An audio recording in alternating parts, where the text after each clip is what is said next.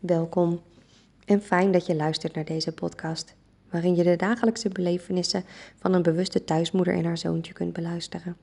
Want in de eenvoudigste dingen ligt het grootste geluk. Vandaag vertel ik over wasbare luiers, waarom wij ze hebben aangeschaft, waarom we ze fijn vinden en hoe snel mijn zoontje al zindelijk is geworden. Ik maakte voor het eerst kennis met wasbare luiers via een vriendinnetje. Ik denk dat het eigenlijk meestal zo gaat. Zij had ook twee kleintjes en die hadden ook wasbare luiers. Ik wist er nog niet zo heel veel van, maar ik vond ze helemaal prachtig. Al die vrolijke kleurtjes en dessins, ik vond dat gewoon helemaal leuk. Dus toen ik zelf zwanger was, ben ik op zoek gegaan naar wasbare luiers. Nou, daar ging een wereld voor me open. Allerlei varianten, allerlei soorten, allerlei kleuren, allerlei modellen. Oh, help, waar moest ik beginnen? Gelukkig heb ik de nodige autistische inslag van mijn vaders kant van de familie meegekregen. En is zo'n onderzoek in mijn geval dus echt een heel gedegen, prachtig groot onderzoek met een Excel-lijst en stipjes en kleurtjes en cijfertjes, zodat ik alles goed uit kan zoeken en zodat ik zeker weet dat ik echt helemaal het juiste model te pakken heb en de juiste kleurtjes en de juiste varianten. Maar waarom wilde ik eigenlijk wasbare luiers? Natuurlijk was het zo dat het dessin me aansprak en de vrolijke kleuren, maar wat ik vooral diep van binnen in mezelf voelde, was dat het zachte materiaal mijn babytje pasgeboren het aller allerfijnste zou koesteren. Niks geen eng plakband, niks geen plastic, niks geen rare friemeldingetjes. Nee, dat voelde voor mij echt niet als iets wat ik aan het lijfje van zo'n klein, lief, zacht en teder wezentje kon doen. En ik denk dat ik daar ook zeker de juiste keuze in gemaakt heb. Toen Wies eenmaal geboren was en soms lekker in zijn luietje door het huis bonjerde, kon je gewoon zien hoe fijn hij het vond, hoe lekker hij het vond om gewoon dat zachte materiaal, heerlijke katoen, heerlijk bamboe, lekker zacht tegen zijn beentjes en zijn billetjes aan te hebben. Het vergrootte als het ware zijn aura, zijn mooiheid, zijn kracht, zijn licht. Dus na dat belachelijk gedegen onderzoek van mij heb ik eerst twee of drie luiertjes aangeschaft. En die voelden zo lekker en zo zacht en zo fijn dat we daarna eigenlijk meteen over zijn gegaan tot het kopen van nog wel, nou, ik denk 10 of 15 luiers. En ook alle accessoires erbij. Het was zo leuk. We hadden zo'n voorpret. Ik weet nog heel goed dat we die hele doos vol met lekkere, leuke spulletjes kregen. En dat mijn man vol vreugde de schaar pakte om die doos open te maken. Die foto daarvan is ook sprekend. Twee ouders die in blijde verwachting zijn van wat er allemaal gaat komen. Alle luiertjes werden gewassen en daarna in de commode gestopt. Wat een voorpret hadden we. Uiteindelijk zijn we tijdens de bevalling in het ziekenhuis beland. Maar ik had in de ziekenhuistas natuurlijk ook mijn wasbare luiers gedaan. Dus toen ze voor het eerst bij wie ze een luiertje wilde gaan aandoen, zei ik heel erg vief: Ik wil graag een wasbare luier. Ja, die hadden ze niet in het ziekenhuis. Nee, maar ik had ze wel bij me. De zusters vonden het prachtig dat ik zo voorbereid was dat ik mijn kind niet één keer een plastic luier aan wilde doen, maar gewoon direct een lekkere zachte luier. En de eerste fotootjes van Wies met zijn luiertje zijn dus ook zo leuk. Zo'n heel lief klein ukkie-pukkie jongetje met een prachtig schattig blauw luiertje met witte pingwinnetjes erop. Goh, nu ik dit vertel, bedenk ik me ineens dat pinguïns echt een thema zijn bij hem in het leven. Hoe zou het komen? En eenmaal thuis uit het ziekenhuis vonden we langzaam een ritme waarin het luierswassen onderdeel werd van ons dagelijks leven. Van tevoren had ik daar eigenlijk niet heel erg bij stilgestaan. Ik waste vroeger één keer in de week, misschien twee keer in de week. En nu werd dat ineens aanzienlijk meer. Maar ja, ik had nooit echt bezwaar tegen de was doen. En die luiertjes, luiertjes wassen, ja, dat is toch eigenlijk gewoon hartstikke leuk en schattig. Ik kan niet anders zeggen. Ik had daar best wel plezier in eigenlijk. Het grappige was dat ik merkte dat ik het verschonen van wasbare luiers ook eigenlijk veel frisser vond dan het verschonen van plastic weggooiluiers. Ik had daar gewoon een veel vervelender gevoel bij altijd, als ik vroeger wel eens iemand verschoonde. En deze luiers, ja, die waren gewoon veel fijner om, om aan te pakken, om, uh, om in je handen te hebben. Het voelde veel minder vies, ook niet met de ontlasting erin. Het voelde gewoon best wel oké. Kortom, eigenlijk ervoer ik alleen maar positieve dingen van die wasbare luiers. En toen Wies wat ouder werd, kreeg het nog meer leuke kanten die ik van tevoren echt niet had kunnen weten. Een kruipende wies ging het liefste voor de wasmachine zitten en lekker turen naar al die vrolijke kleurtjes die daar eindeloos in ronddraaiden. En vanaf het moment dat Wies goed en wel kon lopen, kreeg hij al vrij snel de wasmachine zelf open, haalde de was eruit en hing het op zijn manier op de waslijn. Ik begrijp nu waar de uitdrukking kind kan de was doen vandaan komt. En voor ik er erg in had, waren Wies en ik eigenlijk al bezig met zindelijkheidstraining. Het begon zo'n beetje in de lente toen Wies bijna anderhalf jaar oud was.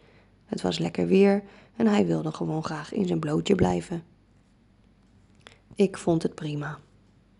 Maar ja, in het begin betekende dat natuurlijk dat hij gewoon overal waar hij stond een plasje deed. In de tuin was het niet zo erg, maar in huis vond ik het toch niet zo heel fijn. Dus ik heb hem gevraagd, ik denk twee weken lang, of hij gewoon in de badkamer wilde gaan plassen. Ons huis is niet zo heel groot, dus dat betekent dat het lopen naar de badkamer vanaf het moment dat hij voelt dat hij wil plassen, nou, zo'n 5, 6 meter is, misschien 8, maar meer niet. En al binnen een paar weken merkte ik dat hij gewoon op tijd naar de badkamer liep en daar vrolijk bij het putje of op het potje ging staan plassen. Het dweilen van de kamer was al snel weer voorbij. Ik heb geloof ik nog één zindelijkheidsboekje gelezen, maar ja, ik was eigenlijk al een beetje aan de late kant. Wat ik wel herinner is dat er in dat boekje staat dat het over het algemeen eerst controle is over de ontlasting en daarna pas over het plassen. Maar dat heb ik bij Wies helemaal niet zo gemerkt. Het ging een beetje gelijk op en het ging prima. Hij liep gewoon op tijd naar de badkamer. Als we ergens naartoe gingen en s'nachts deed ik hem eigenlijk uit gewoonte nog gewoon een luier aan. Ik dacht er verder niet echt over na. Ik dacht gewoon, ja, thuis loop je in je blootje. En als je niet in je blootje bent, doe ik een luier bij je aan. Maar na een tijdje werkte dat niet meer. Ik begreep eerst niet zo goed waarom, maar later begreep ik dat hij natuurlijk zijn plas opspaart en daardoor in één keer helemaal vol loopt in die luier, waardoor de luier overstroomt. En naast dat probleem werd het ook langzaam weer kouder buiten en tijd voor Wies om zich maar weer wat vaker en meer aan te kleden. Het werd dus tijd voor een andere aanpak.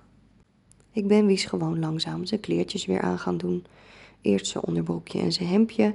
En toen hij dat redelijk onder controle had, heb ik ook zijn broek en zijn t-shirt weer aan moeten doen. Want het werd gewoon koud buiten. En zoals ik al kende uit de periode dat hij het begon te leren om naar de badkamer te lopen, toen hij nog in zijn blootje liep, ja, hadden we nu weer een leerperiode. Blijkbaar vond hij het moeilijker om met zijn ondergoed aan, of later met zijn ondergoed en zijn bovenkleding aan, op tijd naar de wc te gaan. Dat betekende dus voor mij een paar weken lang extra veel was. Extra veel kleding wassen. Maar ja, wat gaf het? Toch merkte ik dat hij het steeds beter onder controle ging krijgen. En hij kon ook steeds meer praten, waardoor hij mij ook steeds beter duidelijk kon maken dat hij wilde plassen of poepen. Ik weet nog heel goed de allereerste keer dat ik met hem ging fietsen en dat hij dus al zijn kleertjes aan had en ik alleen maar een reservebroek bij me had en ik nog geen flauw idee had hoe groot zijn blaas was en hoe lang die dan eigenlijk met zoveel vocht in zijn lijf uh, op pad kon met mij. En zo heb ik de eerste anderhalf, twee weken, iedere keer als ik met hem op pad was, gewoon ieder uur geplast op de klok om te proberen, ja, de boel droog te houden. En al snel kwamen we tot een ritme waarin ik gewoon kon zien en merken aan hem dat hij wilde plassen. En hoefde ik niet meer op de klok te kijken om op tijd met hem naar de wc te gaan. Bij dit alles was heel duidelijk dat Vizier gewoon aan toe was. Hij vond het gewoon leuk. Hij had er plezier in om op de wc te plassen of op zijn potje. En hij had er ook plezier in om bij tante in de tuin te plassen of bij oma in de vijver. Hij vond het allemaal schitterend. Ook met poepen ging het eigenlijk heel erg vanzelf. Op dezelfde manier kreeg hij controle over zijn lichaam en snapte hij heel goed wanneer hij naar de wc moest. Ik weet nog heel goed een van de eerste keren dat hij het helemaal zelf kon. Nou ja, ik help hem wel met zijn broek en zo, hè, met op de wc klimmen natuurlijk. Maar ik bedoel, met het zelf aangeven, dat hij naar de badkamer liep, of nou ja, dat hij naar de badkamer rende en zei: Poepen, jee! Ja, en zo sta ik er eigenlijk ook in. Het is toch ook een prachtig wonder dat je kindje dat iedere dag maar kan, zo vaak per dag. En trouwens, dat je dat zelf ook kan, is eigenlijk alleen maar een prachtig wonder. En toen hadden we nog een laatste hoorde, namelijk het s'nachts plassen. Wies drinkt nog steeds heel veel s'nachts. Hij ligt bij me in bed en iedere keer als hij wakker wordt, leg ik hem aan en dan slapen we samen weer lekker verder. En dat betekent dus ook dat hij s'nachts nog behoorlijk wat vocht binnenkrijgt. En daarmee was het in het begin zeker wel echt een uitdaging om ons bed droog te houden. Maar aldoende en al wassende leert men. En zo hebben we samen nu een goed ritme gevonden waarin hij bijna altijd droog blijft s'nachts.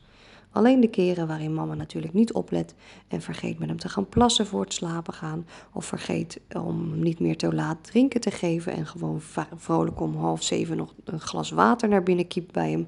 Ja, dan gaat het dus fout. Maar dat is Wies niet zo aan te rekenen, hè mama? En alle andere keren is het bed droog. En zegt Wies vrijwel iedere ochtend vol trots dat het bed droog is. Mama, bed droog. Ja, lieverd, ons bed is weer droog. Wat ben ik toch trots op jou. En zo is er een einde gekomen aan ons wasbare luieravontuur. Jammer, ik vond het net zo leuk, die prachtige dessins. Ik heb ze allemaal nog een laatste keer gewassen en daarna in een grote krat in de kelder bewaard. Wie weet, mogen we nog een broertje of zusje voor Wies verwelkomen. Dit was wat ik graag wilde delen over wasbare luiers en het gemak waarmee je zindelijk kunt worden. Dank je wel voor het luisteren. Je bent welkom om me ook op Instagram te volgen. Ik heet daar Bewust bij mijn kind. En als je geïnspireerd bent door mijn podcast, dan vraag ik je om je ervaring te delen met anderen door een review of op social media. Op mijn website bewustbijmijnkind.nl vind je nog meer inspiratie en ondersteuning. Ik wens je een mooie dag of een hele fijne nacht.